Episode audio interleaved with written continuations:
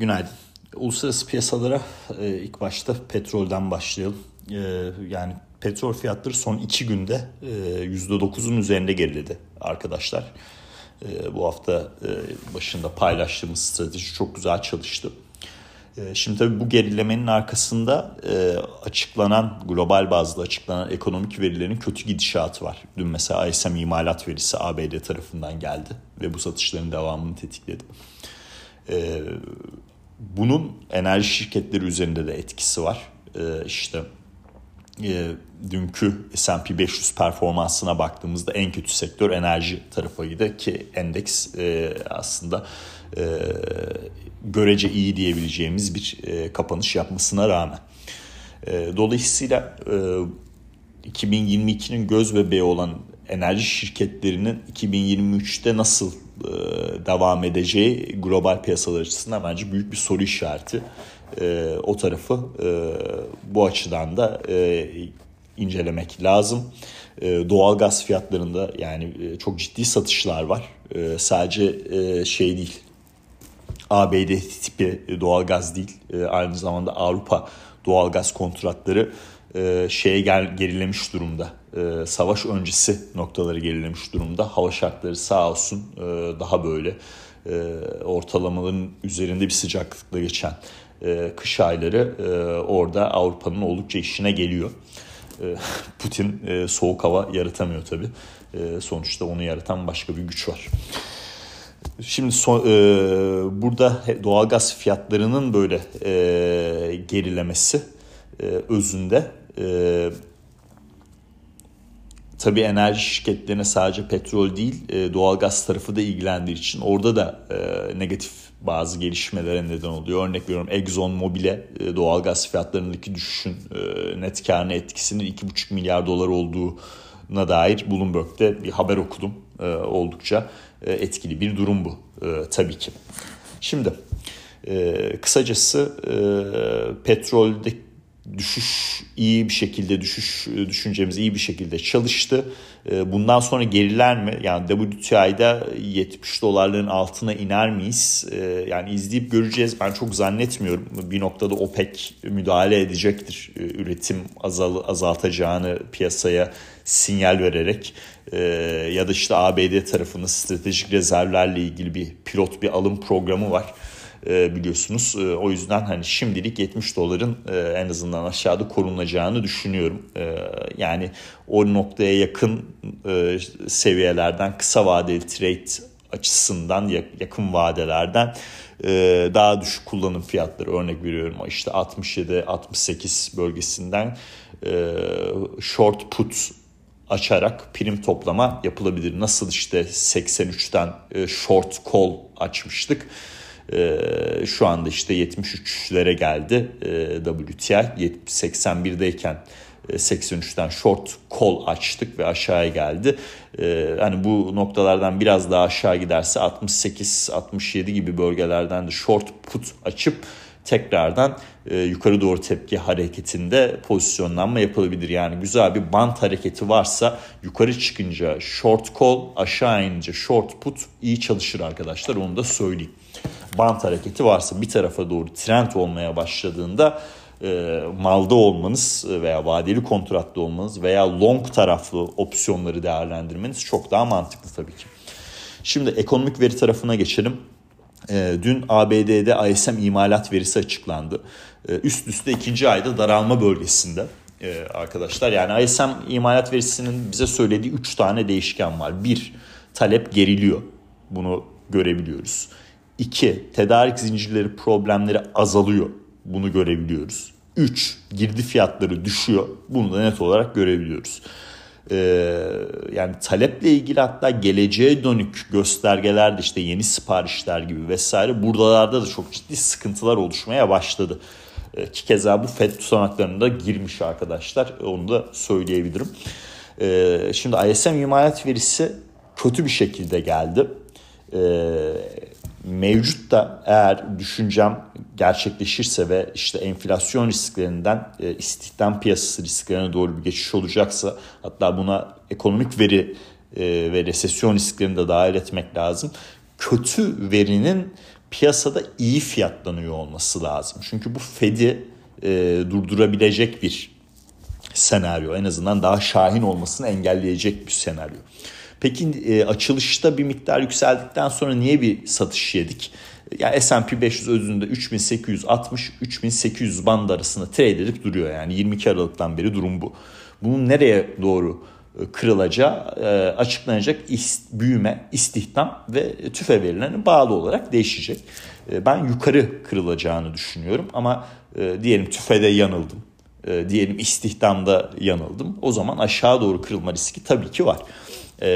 Açılıştan sonra hani ISM imalat kötü geldi. Niye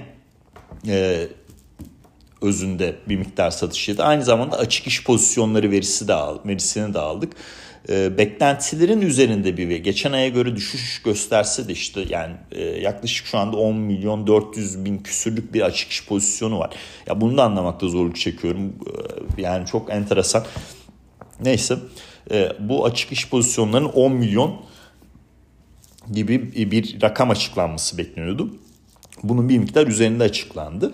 E, tabii kötüleşen ekonomik veri e, istihdam piyasasında açık iş pozisyonlarında istenilen kadar düşüş olmaması e, piyasada otomatikman FED e, çok şahin kalmaya devam edecek sat düşüncesini çok net yarattı. Ama ondan sonra hızlı bir şekilde toparladı. Yani bu toparlanmanın da işte bence önemli bir nedeni ISM imalatın içinde bu girdi fiyatlarına ve yeni siparişler kalemine piyasanın daha çok odaklanmasıydı e, özünde ve FED, FED başkanı Kaşgari, FED e, başkanı diyorum.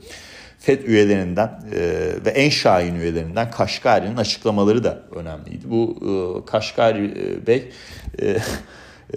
eskinin güvercini 2022 sıkılaşma döngüsünün en şahin isimlerinden biri.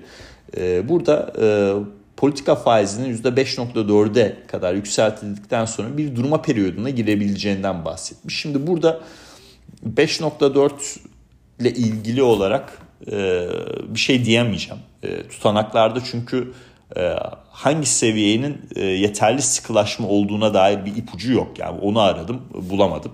E, bunu belirtmiyorlar. Çünkü onlar da çok net bilmiyor.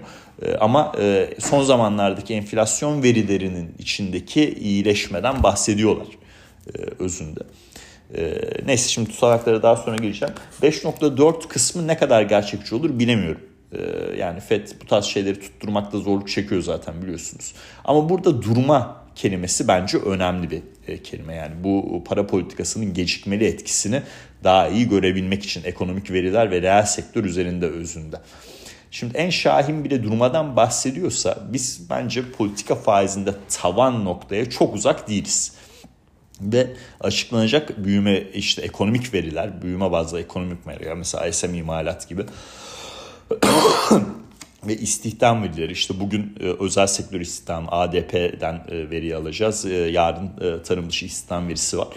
E, bu tarz e, veriler geldikçe e, özünde e, politika faizinde tavan noktaya yaklaşıp yaklaşılmadığına ilgili olarak da açıklamalar daha çok artacaktır FED üyelerinden. Yani haftaya tüfe verisini alacağız. Eğer beklediğim gibi gelirse e, zaten piyasa e, bence bu bandın işte 3860-3800 yukarı doğru kırılmasında önemli bir e, faktör olacak. E, ama e, hala işte, e, bugün e, ve yarın alacağımız istihdam piyasaları e, piyasası verileri var. Dolayısıyla bakalım o verilerde 3800'ün korunması önemli bir e, nokta. Korunduğu takdirde gelecek haftaki tüfeyle beraber yukarı e, kırılış e, çok daha gerçekçi olabilir. Durum bu. Hani daha da devam edelim. Hani e, Kaşgar'ın açıklamaları vesaire alım getirdi e, endekse. E, ondan sonra FED tutanaklarını aldık arkadaşlar. FED tutanaklarında ya ben işte e, tavan noktaya yakın mıyız nok e, şeklinde bir açıklama aradım. Bunu da nasıl arıyorum? Yeterli e, sıkılaşma noktası nedir? Eğer yeterli sıkılaşma noktasını tutanaklarda görebilirsek mesafeyi de iyi bir şekilde anlamış oluruz. E, bunu koymamışlar. E, açıkçası. E, Birçok noktadan bahsediyorlar işte konut sektöründeki e, kötüleşmeden e, son zamanlardaki enflasyon verilerindeki işte açıklanan enflasyon verilerindeki iyileşmeye, tedarik zincirlerinin toparlamasından işte istihdam piyasasının son birkaç ayda bir miktar ivme kaybetmesine rağmen hala sıkı kalmaya devam etmesine birçok noktadan bahsediyorlar. İşte maaş enflasyonundan e, bahsediyorlar. Büyüme tarafında resesyon riskinin olduğunu belirtiyorlar ama hala bas senaryo olarak görmüyorlar vesaire vesaire. Özünde benim aradığım cümle bu şeydi. Ne nokta da yeterli sıkılaşma olacağı onunla ilgili bir şey belirtilmemiş. Ee, öne çıktığını düşündüğüm diğer noktalar e, herkesin merak ettiğini söyleyeyim. 2023'te e, FED üyeleri bir faiz indirimi beklemiyor. E, e Şimdi tabii herkes coştu. Evet yapmayacaklar vesaire. Arkadaşlar 2022'de de bu kadar yüksek faiz artışı yapacağını öngörememişlerdi. Yani bunu bir iyi bir değerlendirmek lazım. Ee, dolayısıyla e, hani 2023'ün sonuna kadar e, yani bu tutanaklar daha çok su kaldırır yani onu söyleyeyim. Ee, dolayısıyla hani bunu belirtmeleri normal şartlarda çok daha yüksek satış baskısı yaratması lazımdı ama olmadı. Niye olmadı?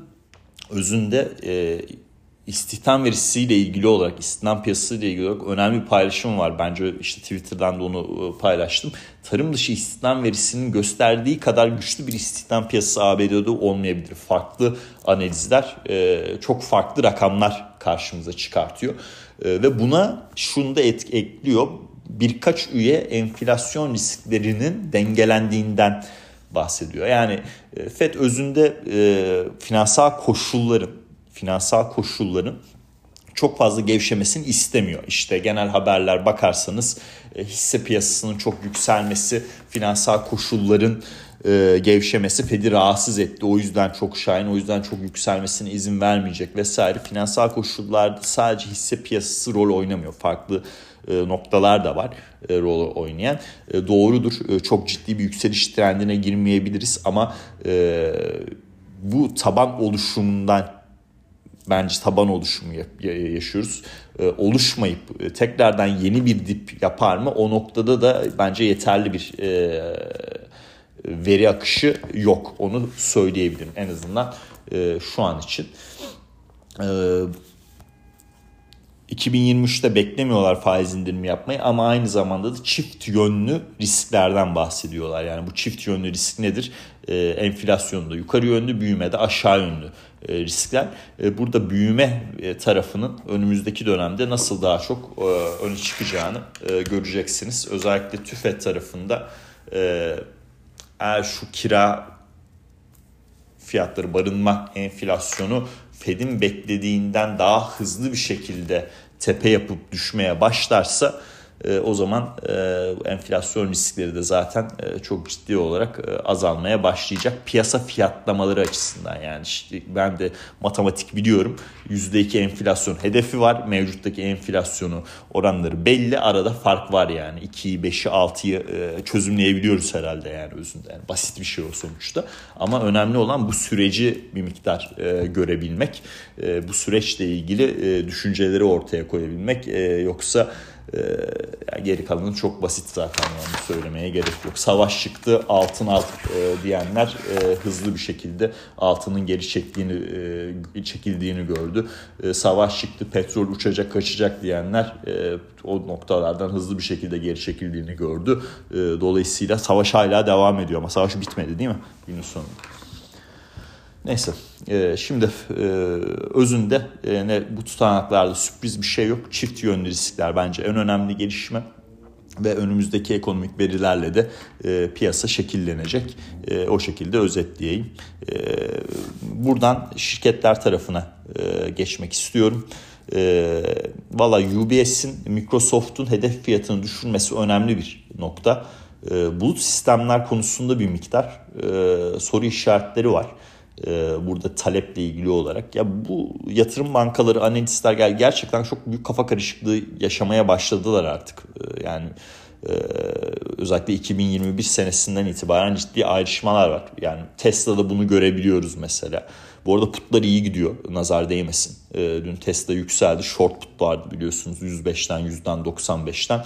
E, 113 civarında bir kapanış yaptık. Bakalım e, in the money'e geçmeden opsiyon kapatabilecek mi? E, o tarafı da takip ediyorum tabii pozisyon olduğu için. Yani mesela JP Morgan'la Morgan Stanley'nin Tesla üzerinde nasıl ayrıştığını e, dün belirttim. UBS de mesela bu sistemlerde e, soru işareti e, yaşarken ve buna bağlı olarak Microsoft'un hedef fiyatını düşürürken e, diğer bir nokta e, Oppenheimer bulut sistemlerde önemli bir şirket olan Datadog'la ilgili olarak 2023'te top 2 en beğendiği hisse olarak ortaya çıkarmış. Önemli bir nokta bence bu. Bunun dışında şirket haberlerinde bir önemli detay paylaşacağım. Dün Salesforce çalışanlarının %10'unu işten çıkartacağını açıkladı. Amazon'da işte seans sonrası 10 e, bin olarak e, piyasaya sinyal verilmişti. 18 bin kişi işten çıkartacağını belirtti. Şimdi 2022'de bu tarz işten çıkarma e, haberleri hisse fiyatlaması üzerinde çok büyük negatif etki yaratıyordu. Artık bu biraz değişiyor gibi. Salesforce'da bu işten çıkarma maliyet kontrolü haberleriyle beraber artı bir kapanış yaptık %3'e yakın. Amazon e, bu 10 binden 18 bine işten çıkarma sayısının arttırmasıyla beraber seans sonrası işlemlerde %2'ye yakın prim yaptı. E, bu dinamik bir miktar değişiyor. Ben Salesforce'da e, bu haber sonrası aşağı kullanım fiyatlı put satışı yaptım. E, gene işte e, yakın vadede prim toplamak amacıyla. Amazon'da zaten putum var. E, yukarı doğru gitmeye devam ederse o primin hepsini bana bırakacak şekilde çalışacaktır diye düşünüyorum. Şimdi bu haberler önemli. Eğer işte enflasyon, istihdam, büyüme, FED tarafında yanılmazsam ki yani tek kişilik dev araştırma kadrosu olduğum için e, uluslararası piyasalarda e, bütün bunları çok rahat bir şekilde yapabileceğime inanıyorum.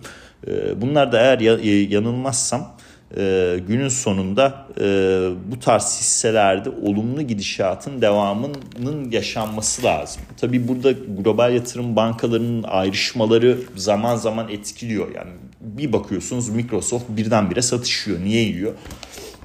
Özünde UBS bulut sistemlerle ilgili daha e, kötü bir görünüme sahip. Ama yarın öbür gün çıkıp başka bir yatırım bankasının bulut sistemler çok iyi diyeceğinin bir garanti diyemeyeceğinin bir garantisi yok. Yani Tesla'da ya bunun çok güzel bir örneği yaşandı. Yani Morgan Stanley o e, ağırlık arttır 250 dolar hedef dedi. Tesla Aralık ayındaki %44 satışından tepki alımı gördü. Ondan sonra JP çıktı ağırlık azalt 125 dolar hedef fiyat dedi. Pat tekrardan vurdular. Yani durum bu.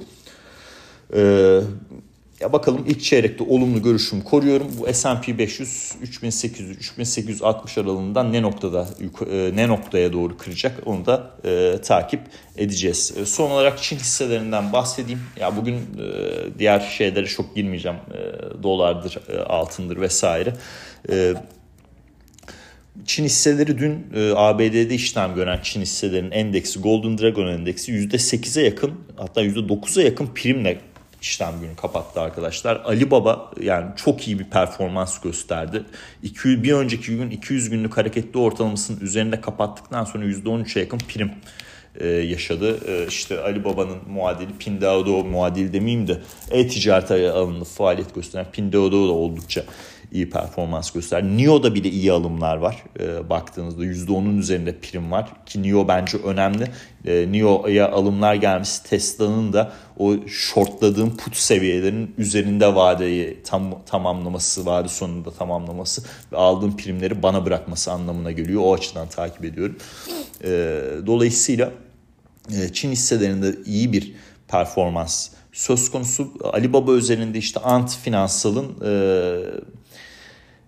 tabi bu olay nedir? Yani bir, önemli bir fintech şirketi e, halka arz etmek istemişti. Çin hükümeti veri güvenliğini e, sağlanabilmesi ve bu verilerin herkes tarafından erişime açık olmaması açısından halka arzı iptal etti. e, şu anda yeni bir fonlama için onay vermişler. E, bu bu e, antifinansallar özelinde e, Ali hisse senedi oldukça olumlu e, yansıdı. Bu bir süre daha devam edecektir. E, dün e, long e, call e, işte alım opsiyonunu aldım. Long pozisyonu açtım. E, o iyi bir şekilde hareket etti zaten. İşte 110 dolar kullanımdan Şubat başı vadeli bu işlemi yapmıştım. İyi bir şekilde gitti. Yani çok uzun süre oturmayabilirim. Çünkü çok iyi bir hareket vardı. Bu, yani bu, bugün yarın bir %5 %10 arası da prim yaparsa bu opsiyonda e, veda edeceğim. Karlı bir şekilde veda edeceğim. E, opsiyonlar arasına girer. E, zarar ettiğim durumlarda var zaten paylaşıyorum biliyorsunuz. E, gayet şeffaf bir şekilde olmaya çalışıyorum. Bugün ADP istihdam verisi, yarın TDA e, tarım dışı istihdam verisi ABD tarafında öne çıkacak olan gelişmeler. Dinlediğiniz için teşekkürler. Herkese e, mutlu günler, iyi seanslar dilerim.